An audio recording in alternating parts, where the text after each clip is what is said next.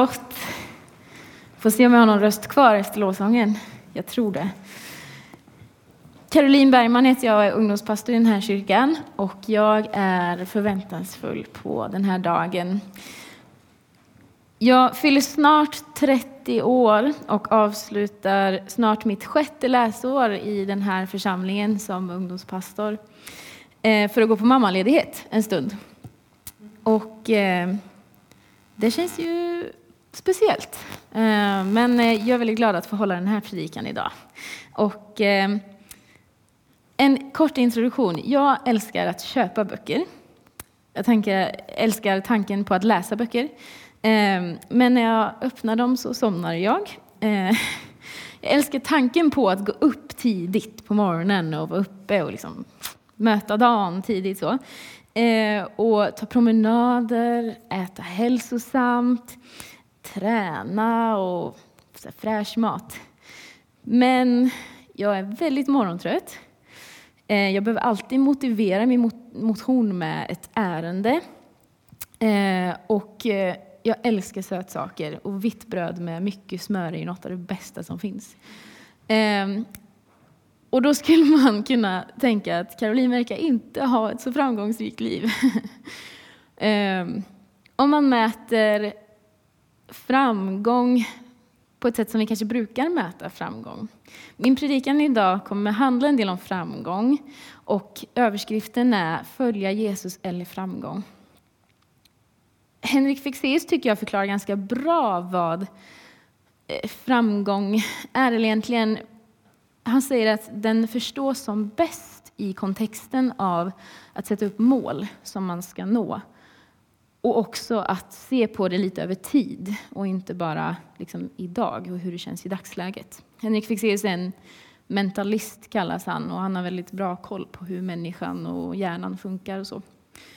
Ehm, och jag tycker att han har ganska mycket rätt i det. Men jag tänkte ändå att vi skulle djupdyka lite mer i vad är framgång? Under sex års tid har man hunnit fundera ganska många gånger på vad är ett framgångsrikt ledarskap eller ett framgångsrikt sätt att eh, möta ungdomar i mitt yrke, men ja, bara också som ung vuxen. Var, hur ska man se på livet och hur man lyckas och så. Och Rent krasst, om man kollar på översättningen för framgång, så betyder det lycka, välgång, karriär, goda framsteg, medgång, medvind, succé, att lyckas bra. Motsatsorden är ju då motgång och misslyckande och diverse liknande ord. När jag var liten i den här kyrkan och sjöng i kören så sjöng vi en låt som jag bara älskar att sjunga med och trycka på ordentligt när vi sjöng. Det var Perla som hade gjort den låten och då sjöng vi just Medvind, vi behöver lite medvind Kunna känna att det lyfter, att vingarna bär eh, Jag vet inte om det är några som känner igen den här men ja, det var fantastiskt att bara yeah till den låten. Och det kan vi behöva. Och en eh, missuppfattning skulle kunna vara att eh, jag idag är emot framgång. Och det är verkligen inte det jag försöker säga idag. Men ja, vi får se vart det här landar. Och som gravid så finns det väldigt många tips och råd att ta del av. Ehm. Och trots att vi är ett av världens säkraste länder att föda barn i så ökar rädslan i Sverige för att föda. Fler och fler vill ha kontroll över sin förlossning och sitt förlossningsförlopp. Ehm, och det kan man då försöka skaffa, och många gör det genom att man planerar kejsarsnitt till exempel, bara för att åtminstone veta vilken dag, vilken tid och liksom att man ska ha så mycket koll på vad som ska hända som möjligt. Eh, inget ont om kejsarsnitt. Jag är helt övertygad om att det behövs ibland och att det verkligen kan vara ett alternativ. Men just att man har sett i undersökningar och pratat med barnmorskor så är det en allmän uppfattning om att kvinnor blir räddare och räddare för att föda barn och vill ha mer och mer kontroll för hur det går till. Problemet är ju att vi har ju inte full kontroll över livet och kan inte ha det. Hur mycket vi än planerar, skaffar kunskap, eh, makt, pensionssparar, försäkrar oss och försöker passa in så kan vi inte ha full kontroll över hur livet blir. En lyckad dag kan vända på några minuter eller kanske till och med en sekund genom en blick eller en kommentar som man inte hade väntat sig. Kanske en olycka eller en pandemi. En av de mest uppskattade böckerna och föreläsningarna som man kan gå på som förälder eller lyssna till är en som kallas för Föd utan rädsla. Den är väldigt bra. Ehm, och där så pratar de mycket om vad är en framgångsrik förlossning. Ehm, och det man har kommit fram till är mycket att det man kanske kan tänka sig skulle vara en förlossning som kvinnor upplever som framgångsrika, det borde vara att ja, barnet är friskt och det går snabbt och smidigt. Ehm, men faktiskt tvärt så kan man också se att kvinnor lika gärna kan tycka att en sån förlossning är traumatisk och fruktansvärd. Och så har man sett att kvinnor som går igenom förlossningar som är eh, problematiska och barnet kanske har någon diagnos när den kommer ut eller ja, och det är krångligt och kämpigt. De kvinnorna kan gå stärkta och stolta från sin förlossning och tycka succé. Um, så det finns liksom kanske inte det här klassiska receptet på framgång som vi tänker ofta att framgång är utan motgång eller utan lidande. Jim Carrey eh, har en bild och ett citat på honom med mig idag på powerpointen. Han anses vara en av Hollywoods största stjärnor. Han är eh, ja, komiker och regissör och skådespelare och sådär. Eh, så vi kan ta fram bild på honom. Han säger så här, beroende på vilken källa man tittar på. Säger han, jag tycker, eller jag önskar, att alla skulle kunna bli rika, kända och göra allt de drömt om. Så att de fick inse att det inte är svaret. Alltså en människa som många skulle se som väldigt framgångsrik önskar att vi skulle få testa på hur det är för att få veta att det inte är svaret på det vi längtar efter. Och läser man Bibeln ehm, så finns det både utropstecken och frågetecken på ämnet. Om man kollar på visdomslitteraturen i Bibeln, som den kallas, eh, Ordspråksboken, eh, Predikaren och Jobb, så lyfter de olika delar av vad är framgång och inte. Och Ordspråksboken målar upp en ganska tydlig bild av att gör gott så får du gott, gör dåligt så får du dåligt. Medan predikaren säger det kvittar hur bra jag försöker, livet blir skit ändå. Medan Jobb får uppleva både hur livet är både gott och jobbigt när man vandrar med Gud och att framgången kanske handlar om någonting annat. Och min predikan ska inte handla om att det inte finns rätt och fel, att vi inte kan veta någonting. För jag tror på en Gud som vill, veta, eller som vill leda oss rätt, som har goda vägar för oss, som har rätt och fel och som vill leda oss in på de vägarna. Och vi kan få lära känna de vägarna, och vi kan lära, få lära känna honom. Men jag vill ändå utmana bilden av vad är framgång och hur ser den vägen ut dit? I psalm 19, vers 8 så kan vi läsa att Herrens undervisning är fullkomlig. Den ger själen nytt liv. Herrens vittnesbörd är sant, det gör enkla människor visa. Herrens befallningar är rätta, de ger glädje åt hjärtat. Hans bud är klart, det upplyser ögonen. Herrens fruktan är ren, den består i evighet. Herrens domslut är sanna, de är alla rättfärdiga. Alltså det finns rätt och fel, det finns goda vägar att följa. Och det finns framgång i livet med Gud. Och ni kommer få höra mig prata lite mer om graviditet för att jag får passa på under den här korta tiden jag ändå kan. Ehm, och tre viktiga lärdomar som jag tycker har tagit med mig när man går igenom den här processen. Ehm, och det liksom påminner mig om vad jag redan har lärt mig om livet med Jesus och eh, vad jag har både läst och erfarit av Bibeln och av Gud. Den första av de här tre är att smärta inte automatiskt som sagt behöver betyda att det är farligt eller att man är på väg åt fel håll. Ibland kan det till och med vara tvärtom.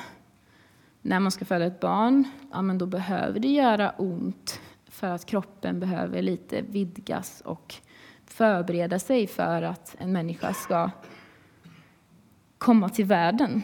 Och, och verkar, som många känner till, att kvinnor ändå behöver gå igenom först, är ett tecken på att yes, nu kör vi, nu kommer bebisen, äntligen är vi i mål.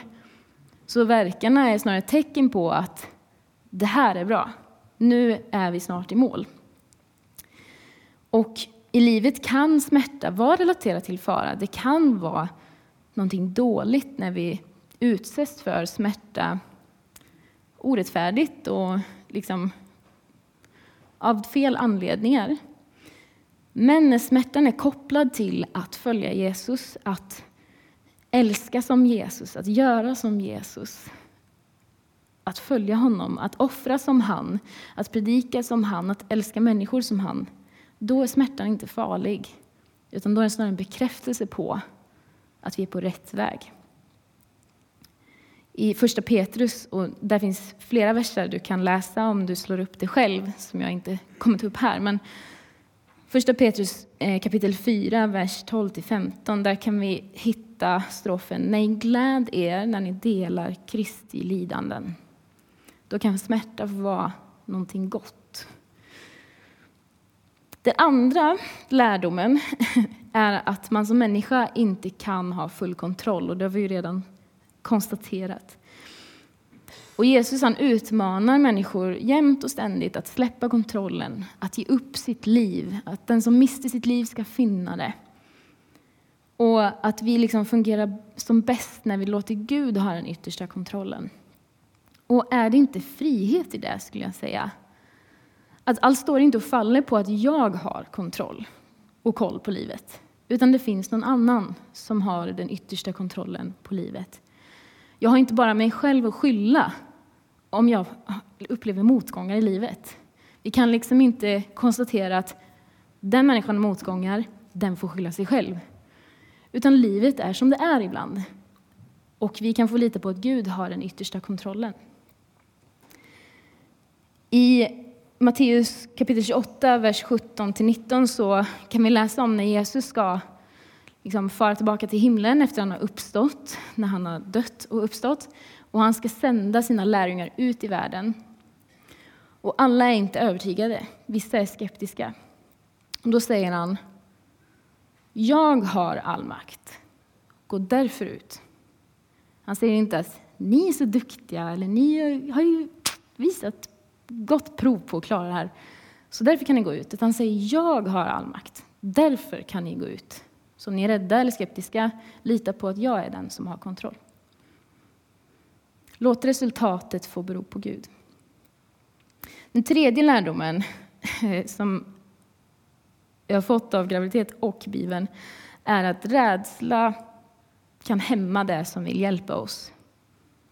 Boken som sagt heter Föda utan rädsla och man pratar mycket om att eh, rädsla hämmar naturliga hjälpmedel både i vår kropp och i vårt sinne.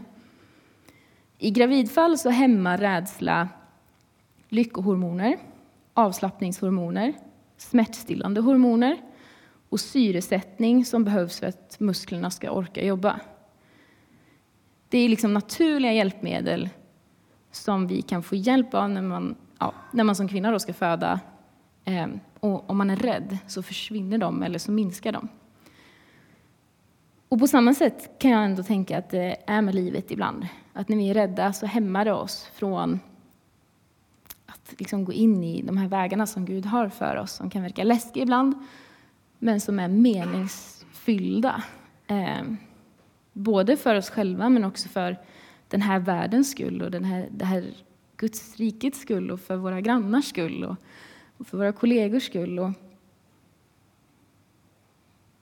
Återigen så hittar vi i Bibeln hur Jesus också i Matteus kapitel 28, talar till sina lärjungar och säger var inte rädda.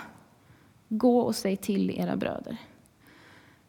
Vi behöver inte vara rädda, utan vi kanske känner oss rädda ibland, men att ändå låta oss gå ändå.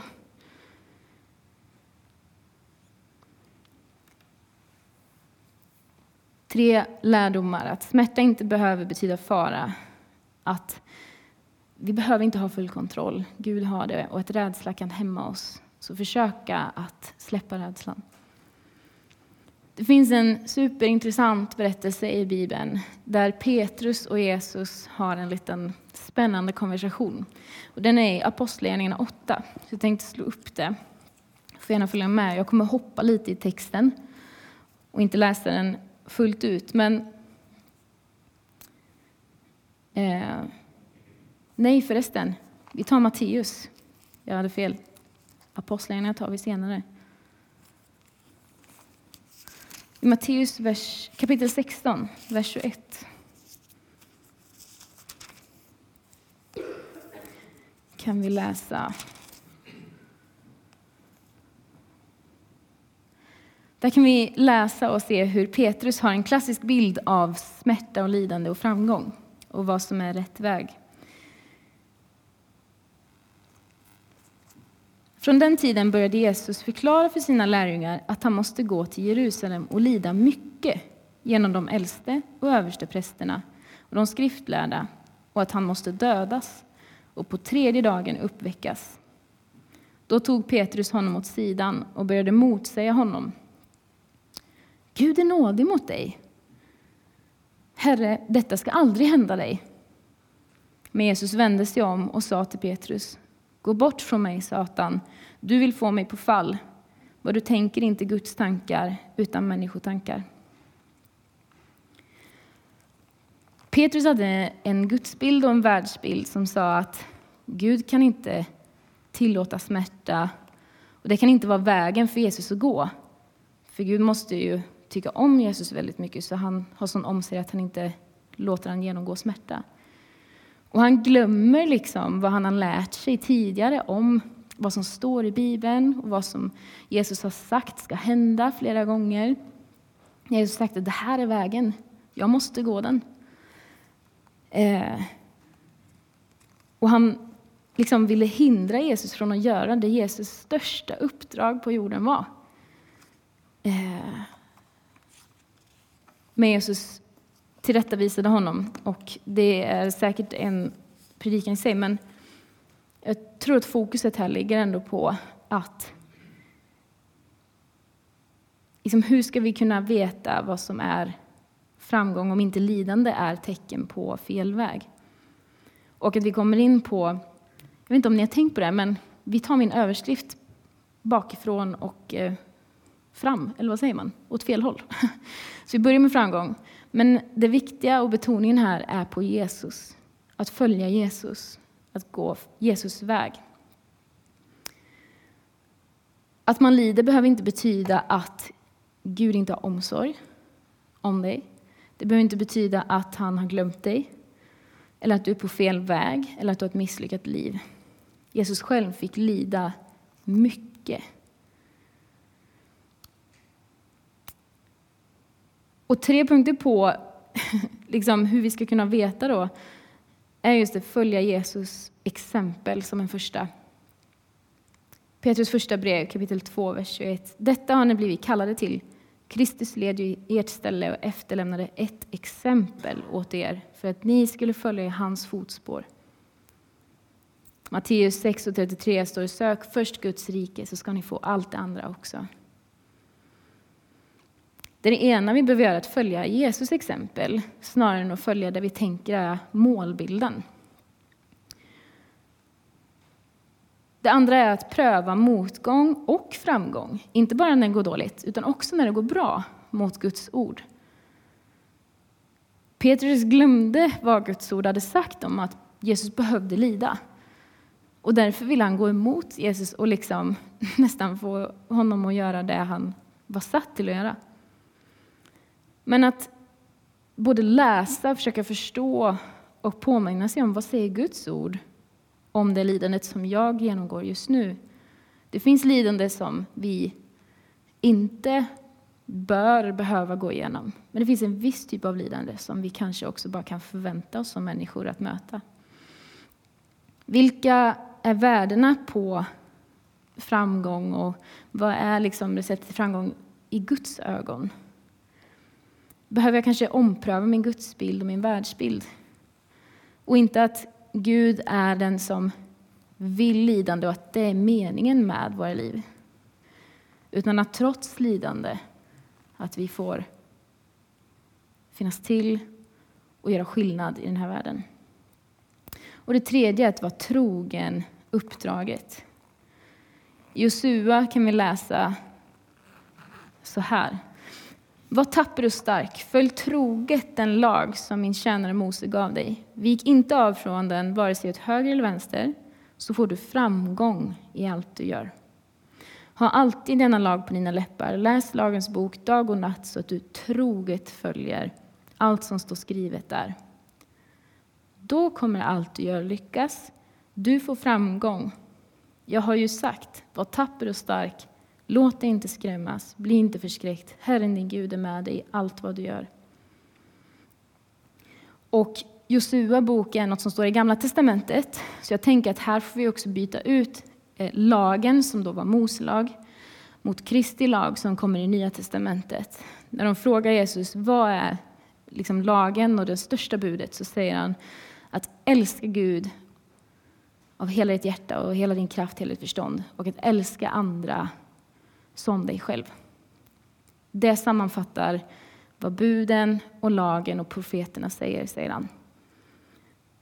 Så det vi kan läsa är att följ troget Kristi lag som handlar om att älska Gud, älska andra och älska sig själv. Gud lovar oss inte smärtfria liv, men han lovar oss meningsfulla liv som är stärkta av Guds andes närvaro, hans kraft, hans kärlek, hans löften, hans välsignelser. Gud har lovat att en dag torka alla tårar. Att vi inte ska behöva uppleva smärta och lidande mer. Så livet handlar inte om att vi ska uppleva smärta och Gud vill inte smärta för våra liv. Det är jag övertygad om. Han vill inte smärta för våra liv, att det är syftet, att vi ska uppleva smärta. Men han lovar att en dag så kommer vi inte behöva göra det. Och fram tills dess så är han med oss. Och i smärtan så kan vi finna mening. Ibland är den meningslös, ibland är den ond. Men den kan också få leda till någonting bättre. Och det gör också att, absolut, vi behöver inte tolka smärta som Guds frånvaro i våra liv eller att vi är på fel väg. Men vi ska heller inte strunta i att smärta finns och bara låta det gå, utan vi uppmanas genom hela Bibeln också att torka tårar. Att leva som om det där löftet redan är här, att Gud vill torka tårar. Han vill ha omsorg om oss, han vill visa kärlek om oss. Han vill lindra lidande. Så därför kan vi få vara bärare av det löftet och får leva ut det. Och vi tar hand om varandra, vi visar omsorg om varandra, vi torkar varandras tårar. Precis som vi vet att det finns ett löfte att en dag så ska det inte ens finnas en tår i princip. Eh. Så att leva med den dubbelheten, att jobba för ett mindre smärtsamt liv på ett sätt, samtidigt att acceptera att det kommer finnas där. Vi kan inte med enkelhet i alla fall tolka lidandets närvaro som Guds frånvaro i människors liv, varken mitt eget eller någon annans. I Psaltaren 34, vers 19 står att Herren är nära dem som har ett förkrossat hjärta och frälsar dem som har bedrövad ande. Den rättfärdige måste lida mycket, men, rädd, men Herren räddar honom ur allt. Gud är nära den som är förkrossad och den som lider. Jag passar på att predika på eftersom det är min sista gång på länge. För nu ska vi till Apostlagärningarna kapitel 8. Vi ska träffa en man som ser väldigt framgångsrik ut. Och han heter Filippos. Han och några lärjungar, de är i Samaria och de har predikat. De har fått vara med om att eh, människor har blivit fria från onda andar. De har fått bett för sjuka och sett mycket mirakler och många människor kommer till tro. Typ, det låter i Bibeln i alla fall som att alla som hör dem predika börjar tro på Jesus. Det kan man snacka om framgång för Guds ord. Eh, och det säger jag inte emot. Det står att det blev stor glädje i den staden. Så nästa grej man skulle kunna tänka då är att när Filippos uppdrag borde ju vara att han får åka till en ännu större stad. Eh, någon slags huvudstad eller kanske åka till ett annat land och bara han har ju sån framgång. Han är så duktig på att predika och hela och bota människor. Så vad är nästa stora uppdrag liksom? Hade det varit i Frikyrkosverige hade det kanske varit eh, Nyhem eller någon stor konferens eller någonting. Men så får han nästa uppdrag och det är en, en Herrens ängel som talar till Filippus. Och han säger att han ska gå ut på en öde väg mellan Jerusalem och Gaza. En öde väg, mitt på dagen, under den värsta middagshettan. Det är hans uppdrag. Det ska du göra. Och då kan man undra, va? Vilket slöseri av gåva och talang och framgång. Nu ska vi göra det vi gjorde sist, igen, och se massa människor frälsta. Men han lider, han är trogen och han följer Guds väg istället för att tänka jag ska göra det som var framgång senast. Det där resultatet som vi såg. Så han går, och det var förmodligen ganska oskönt att gå mitt i den värsta middagshettan ute på en öde väg. Han verkar vara ensam. Han vet inte, liksom, han ser inget resultat på något liksom, gott eller hans målsättning någonstans. Att sprida Guds ord till någon och se människor få nytt hopp och nytt liv. Men så kommer en man som dyker upp, som vi brukar kalla den etiopiske hovmannen. Och det är en man som har fått tag på Guds ord, men han förstår inte riktigt. Så Filippus får sitta ner med honom, ansikte mot ansikte. Två människor, prata om tro, prata om evangeliet. Han får förklara hur Jesus är hans hopp. Och den här människan börjar tro och låter sig döpas där och då. Och jag tror att det var lika mycket framgång där på den öde vägen. Två människor som får ett gott samtal som när Filippus fick predika för tusentals och se många sjuka bli friska. Och framgången låg inte i resultatet, utan det låg i att han liksom följde Guds uppdrag för honom, följde Guds väg.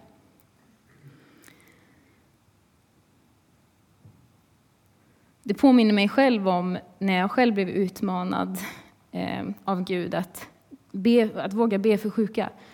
Jag kunde känna att ja, men det är ingen som blir frisk när jag ber. Och jag fokuserade kanske lite för mycket på resultatet, att jag ska göra människor friska. Men Jesus säger inte i Bibeln att, jag, att gå och gör människor friska. Han säger gå och be för sjuka människor, så kan de bli friska. Fokuset ligger inte på att vi ska komma med resultatet eller nå den framgången, utan fokuset ligger på att vi ska följa Jesus väg. Det finns en tid att utvärdera, att riva ner, bygga upp, tänka om. Men oavsett om strategierna hjälper eller inte hjälper så behöver vi påminna oss om, följer vi Jesus, eh, Och gör vi det han har sagt att vi ska göra, mäter vi det mot Guds ord och det vi vet redan att han har lovat, gör vi det och är vi trogna uppdraget. Fortsätter vi att be, fortsätter vi att älska, fortsätter vi offra, fortsätter vi tro, hoppas, följa, tjäna, låta Gud få äran och också uppdraget att ge oss det resultatet vi längtar och önskar efter. Många följde Jesus när det syntes, när det var coolt, när mycket hände runt omkring, när många blev friska från sjukdomar. Då var det massa folk som följde Jesus. Men de var väldigt få som stod vid korset när Jesus hängde där och följde honom in i döden.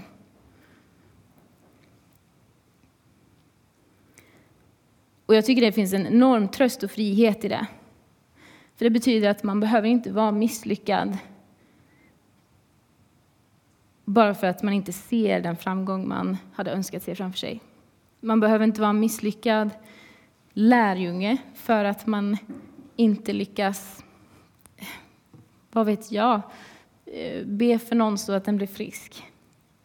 Vår kyrka behöver inte vara misslyckad bara för att våra verksamheter verkar glest besökta.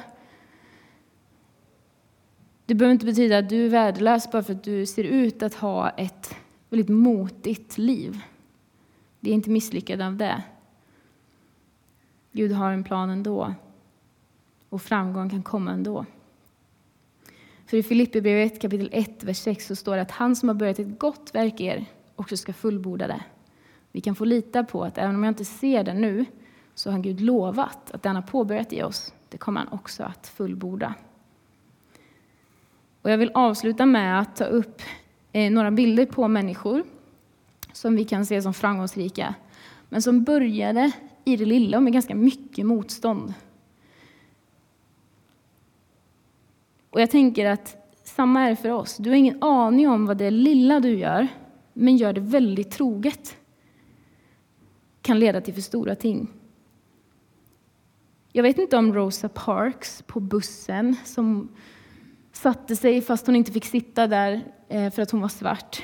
Eller Greta Thunberg på en trottoar. Jag kommer inte ihåg hur gammal hon var där, men hon var, tror inte ens hon var tonåring.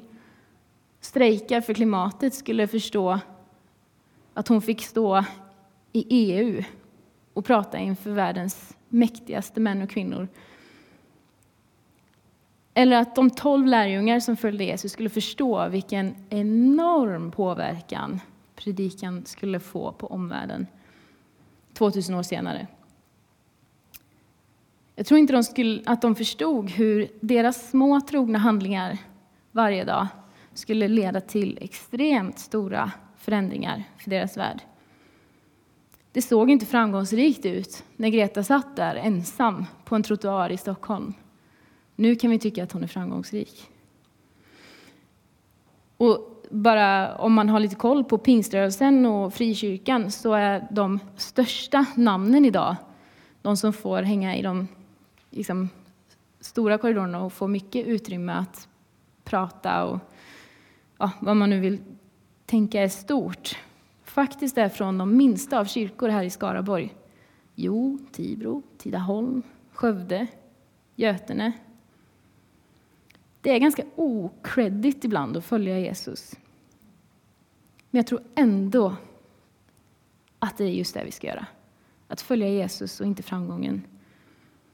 Att predika för och älska våra medmänniskor med kärlek som får dem att undra. Oavsett om det är det resultat vi önskar just nu. För det är vårt uppdrag. Och det är Jesu hjärta. Och det är Bibelns budskap och det är vårt hopp. Då vågar jag tro att du och jag kan få vara framgångsrika i Guds ögon. Att vi kan få framgångsrika liv. Och Gud, han får allt att samverka till det bästa på det sättet. Det finns hopp. Och det vill jag skicka med idag. Vi ber tillsammans, tänker jag. Och jag tänkte att ni skulle få chans att respondera och jag vill gärna be för er. För nu kan vi inte bjuda fram er till första bänk eller förebedjare. Men att vi kunde få en stund där vi kan få blunda eh, i respekt för varandra. Och du kan få sträcka din hand om du känner igen dig på någon av de grejerna jag lyfte just nu. Så vill jag gärna be för dig. Så vi kan börja så att vi sluter våra ögon och förlåter det bli en stund mellan dig och Jesus så vill jag börja med att be för dig som lider på olika sätt. Oavsett om det är på gott eller på ont. Kanske lider du för att någon annan bara orsakar dig lidande. Och det finns inget gudomligt i det alls. Eller så lider du för att just nu så är det en tuff väg att gå. Men om du vill att jag ber för dig för att du lider just nu, eller för att du har någon i din närhet som lider just nu, så res gärna din hand, så ber vi tillsammans. Tack Jesus för att du älskar, att du ser lidande, att du inte ser ner på lidande, att lidande inte är ett misslyckande i sig. Tack för att du ser den som lider orättvist. Omslut den och ha omsorg om den. Jag ber att den ska få känna dig ordentligt. Den får känna din närvaro och att den ska få upprättelse från det orättvisa lidande den går igenom. Och befrielse. Tack för att du ser den som lider för att den är på rätt väg just nu och det är tufft. Ge den styrka, hopp, glädje och uthållighet. Heligande kom. Amen. Min nästa inbjudan är en inbjudan till omvändelse. Om du känner okej, okay, det här tog tag i mitt hjärta och jag känner jag vill vända om från mitt tidigare sätt att tänka och leva och vända mig till Jesus och följa honom igen. Kanske första gången, eller bara för tvåtusende gången. Så inbjuder jag dig till att räcka upp handen för omvändelse, så ber jag för dig också.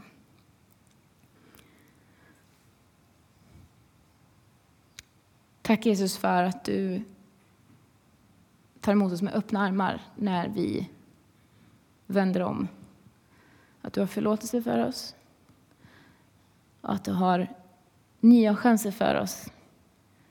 Och att du fyller oss med nytt hopp. Att du leder oss in på rätta vägar. Tack för din nåd. Tack för omvändelsens väg, att vi kan få göra om, göra rätt och bara få omslutas av dig i det. Amen.